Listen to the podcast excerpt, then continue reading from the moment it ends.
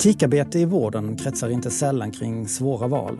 Och när det blir extra svårt kan man på vissa sjukhus kalla till en etisk konsultation. Vad det innebär och vilka svårigheter det för med sig ska vi prata om i dagens avsnitt av Etikpodden. Välkommen till Etikpodden, där Region Skånes etikråd lyfter de svåraste frågorna i vården. Podden som tillåter tvivel, utmanar åsikter och guidar dig som lyssnar i konsten att föra nödvändiga etiska samtal. I detta avsnitt ska vi alltså tala om etisk konsultation.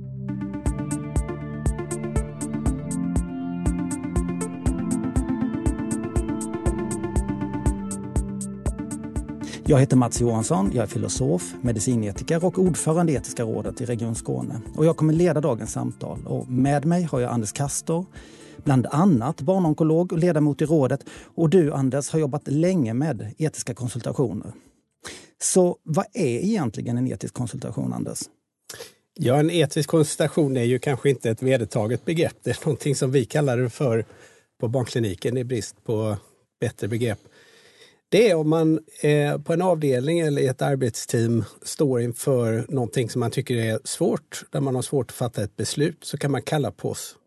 Och själva konsultationen handlar då om att försöka hjälpa den här avdelningen eller det här teamet att tänka igenom och identifiera vad det är som är svårt och tillsammans försöka hitta en väg framåt. Vem är det som kallar och vilka är det som kommer när ni kallar? Det är oftast det läkare som kallar för att man behöver oss som ett beslutsstöd ibland. Ganska få konsultationer, tyvärr kan jag tycka, som det kallade av sjuksköterskor. Vem som helst kan kalla på oss. Eh, det är oftast en läkare som ringer mig eller någon annan i Etikrådet. Och då vill vi ha en ungefärlig eh, beskrivning av vad det svåra handlar om. Eh, och sen kommer vi överens om en tid och en plats. Och från Etikrådets sida så vill vi då gärna att alla som är involverade i vården av patienten, om det handlar om en enskild patient, är med. Inklusive omvårdnadspersonal och paramedicinare som kan sitta inne med ganska viktig kunskap om patienten. Kan du ge något exempel på en typ av situation när man kallar på er? Vad kan det handla om? En ganska vanlig situation är förstås eh, de här gränssituationerna mellan liv och död. Om man ska fortsätta en eh, respiratorbehandling, om ett eh, svårt sjukt barn, om det blir ännu sjukare, ska komma till IVA-vård, hur mycket man ska trappa upp en behandling, vilken ambitionsnivå man ska ha. Ibland så handlar det om vem som får bestämma. Föräldrars roll. Föräldrar som kanske tycker någonting som vårdpersonalen inte tycker och där man behöver resonera kring hur mycket kan föräldrar bestämma. Ibland handlar det om hur mycket en tonåring själv kan bestämma om sin vård. Och ibland så handlar det om eh, saker som faktiskt kan vara ganska svåra, där man, eh, som handlar om rättvisefrågor. Det kan vara att man kanske har regler på en avdelning, hur många föräldrar som får vara på rummet, hur många föräldrar, anhöriga som får vara, sova över på patientrummet som är ganska begränsat av arbetsmiljöskäl och brandskäl och, och medicinska skäl. Och där man ibland gör undantag eh, om man har väldigt svårt sjuka barn eller familjer med väldigt stora behov. Där undantagen, vilka undantag ska man göra? Var går gränsen för ett undantag? Där personal kan komma i konflikt med varandra kring en familj om de, man ska göra undantag för dem eller inte. Mm. Det låter på din beskrivning som om anhöriga, alltså föräldrarna, inte är med på den etiska diskussionen? Nej, det är de inte. Eh, inte i själva diskussionen. Vi har ibland haft en diskussion där Etikrådet eh, har träffat föräldrarna innan.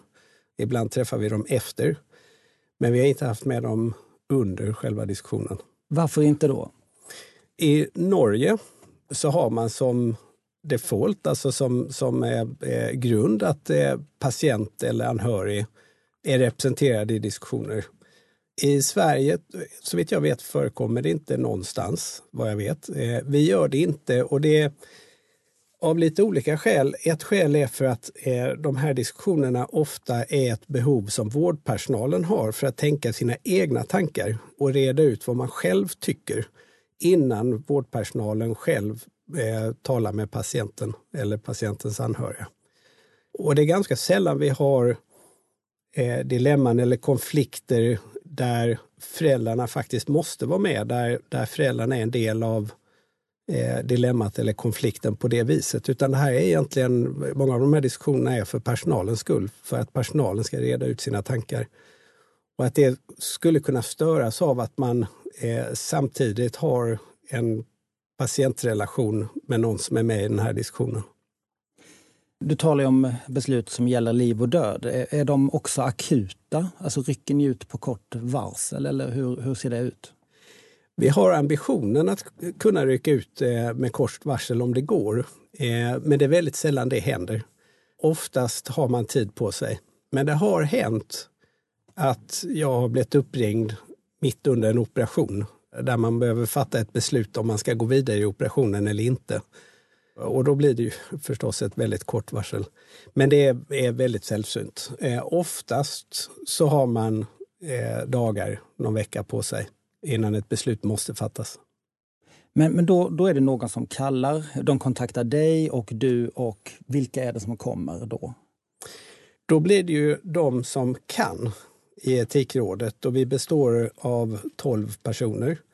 Och våra arbetstider, våra arbetsförhållanden är sådana att det händer i princip aldrig att alla kan. Vi försöker att vara två, tre stycken.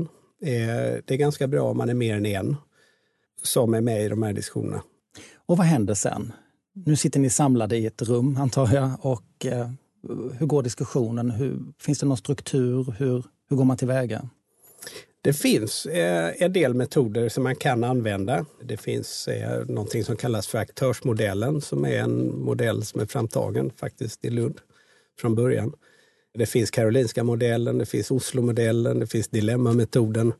Och alla de här eh, går på något sätt att koka ner till att man behöver vara överens om fakta.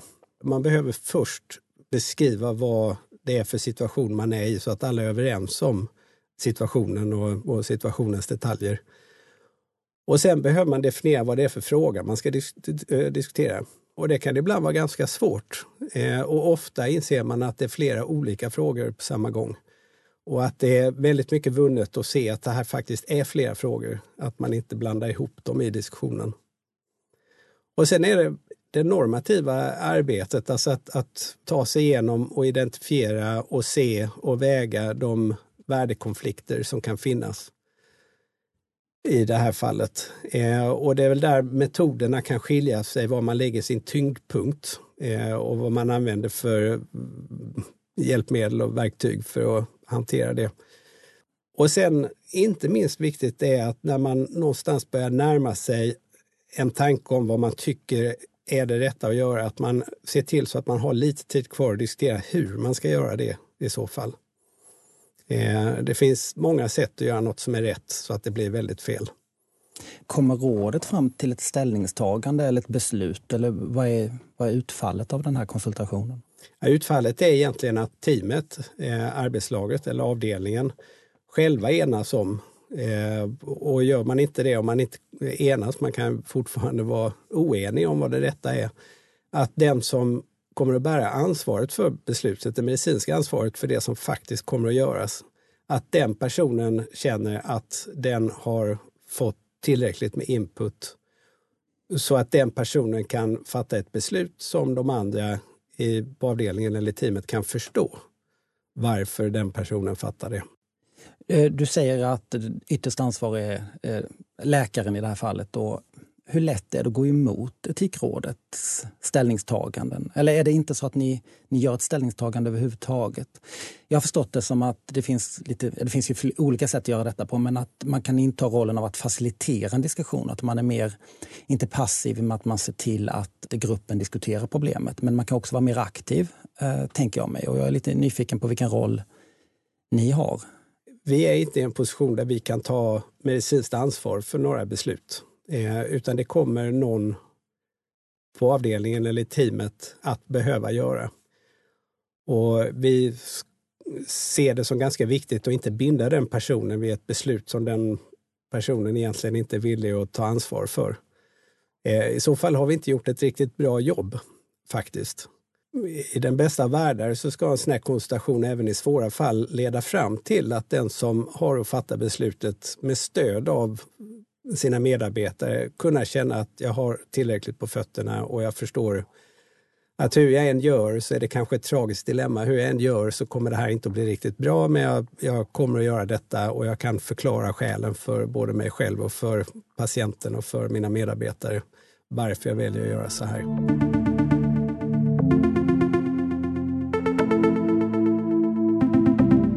Har du någon erfarenhet av att det finns frågor eller, eller resonemang som är ja, så att säga tabun? Alltså att man, man har svårt att ta till sig problemet för vad det är? Eller, eller finns det den typen av utmaningar som handlar mer om att... Du nämnde tidigare frågor kring liv och död. Jag kan tänka mig livskvalitet och den här typen av frågor. När är ett liv värt att leva för den som lever? Och så där. Är, det, är det någonting som kommer upp? Ja, det finns eh, en del frågor som är är lite tabubelagda, där det finns, eh, som är lite svåra och, och därför samtidigt också väldigt viktiga att lyfta fram i ljuset. Och en är, är tanken som man faktiskt kan ha ibland kring den goda döden. Patienter med ett svårt tillstånd och en dålig prognos och ett väldigt stort lidande där man kan känna att döden är kanske det bästa alternativet för den här patienten. Och tänker man så så kan varje handling som eh, springer ur den tanken uppfattas som att man vill hjälpa patienten att dö och att man är nära en eutanasitanke. Och därför blir den lite tabubelagd, att man kan inte riktigt prata om den. Eh, och det är någonting som jag tycker att man kan lyfta fram. Det är någonting som får sägas, att man bedömer en patientsituation på det viset. Sen behöver den bedömningen tydliggöras och på vilka grunder man tycker att det är på det viset. Och, och, men att det behöver undersökas i gruppen. En annan sån här sak som är lite tabubelagd är att prata om resurser. Resurser som inte räcker till. Patienter med, med svåra sjukdomar som med en behandling skulle kunna ha en marginell nytta till en enorm kostnad. Där är kostnaden någonting som vi i sjukvården allt mer kommer att behöva ta ställning till därför att all kostnad innebär att, att resurser läggs där och inte på någonting annat. Det är tydligt att det är väldigt svåra frågor som, som ni har att hantera. Jag funderar på, man talar ofta om att eh, vården är hårt belastad och så. Finns det tid för att diskutera de här sakerna? Jag skulle säga att det är nog den stora utmaningen att hitta tiden. Vi brukar försöka att sätta av en timme. Och det kan vara ganska många personer som behöver vara med för att den här diskussionen ska bli eh, fullständig. Att man får in verkligen alla perspektiv som kan komma upp. Och det är rätt resurskrävande i vården att göra det.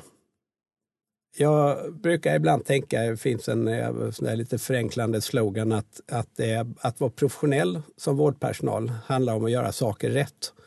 Det är det vi tränas i, det är det vi utbildar i, att, att operera på rätt sätt, diagnostisera på rätt sätt, tala med patienter på rätt sätt. Och etiken handlar om att göra rätt saker.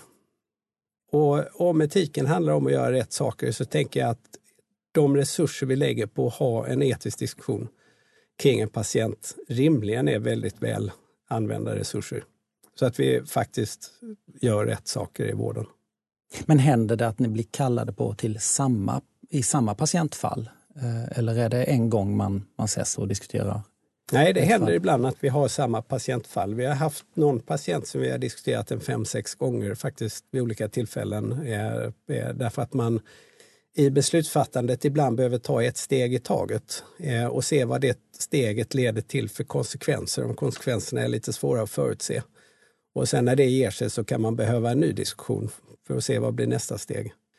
Ibland kan det också vara att, att man i en diskussion inser att, att det är någon, någon, någon fakta, någon data som vi saknar för att kunna fatta ett stabilt beslut. Och då kanske det behöver göras en MR eller man behöver kontakta någon expert eller man behöver ta reda på någonting för att kunna föra diskussionen vidare.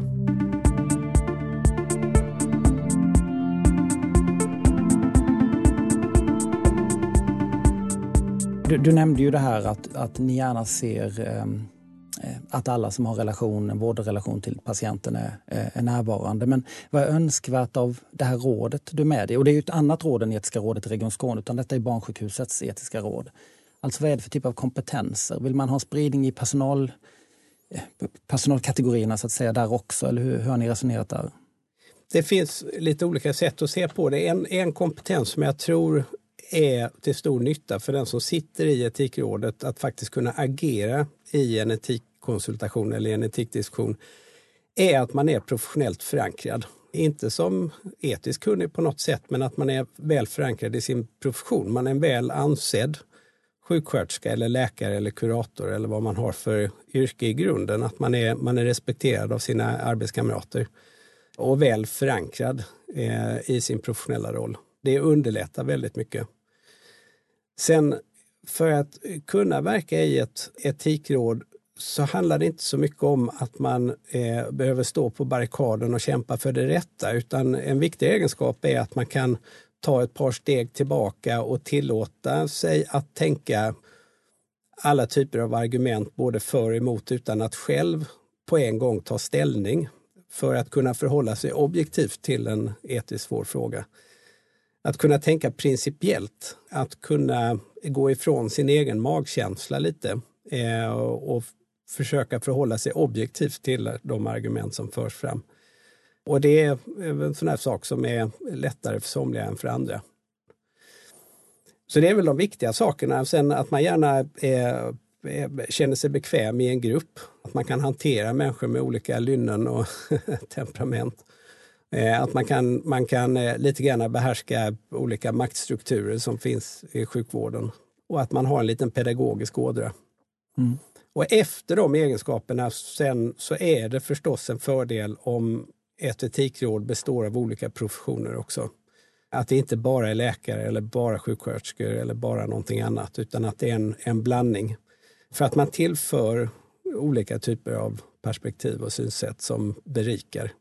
För att då liksom försöka avrunda eller sammanfatta, det, ni, ni är framförallt ute när det gäller eh, svåra eh, eh, fall och ni vill gärna se personalen eh, samlad. Eh, är det något annat du vill tillägga? Är det något vi har missat?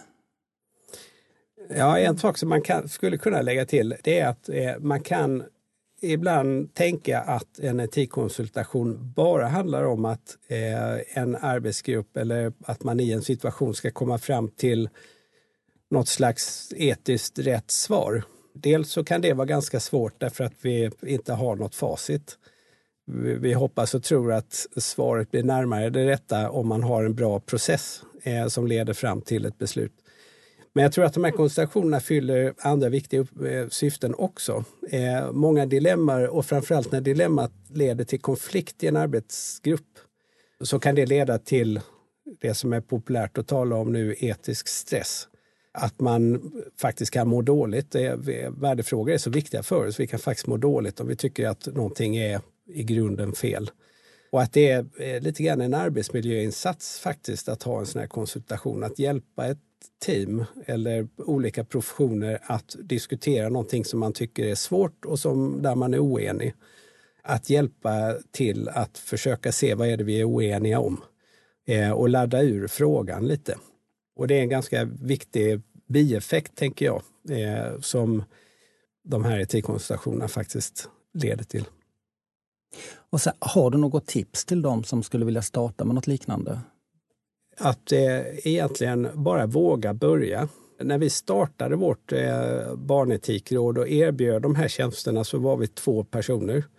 Och den första konsultationen vi hade var riktigt dålig. För att vi hade egentligen ingen riktigt klar tanke kring vad det var vi skulle göra och hur det här skulle gå till och den, den blev inte bra.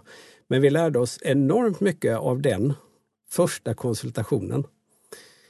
Man kan ställa sig frågan, om man står inför ett dilemma, är det bättre att försöka sätta av en timme eller en halvtimme rent av och diskutera det här i grupp, även om man inte har någon metod, även om man inte är tränad för det, än att inte göra det. Jag tror att fördelar med att göra det, även om man tycker att man inte vet hur man ska göra, eh, ändå överväger. Så mitt tips är våga. Tack så mycket för detta. Tack Anders. Tack för att jag fick vara med. Och tack till alla er som lyssnade. Utöver Etikpodden arrangerar Region Skånes etiska råd seminarier och kurser och mer information om vår verksamhet hittar ni på hemsidan. Om du har frågor eller önskemål på vad kommande avsnitt ska handla om så hör av dig till etiskaradet skåne.se.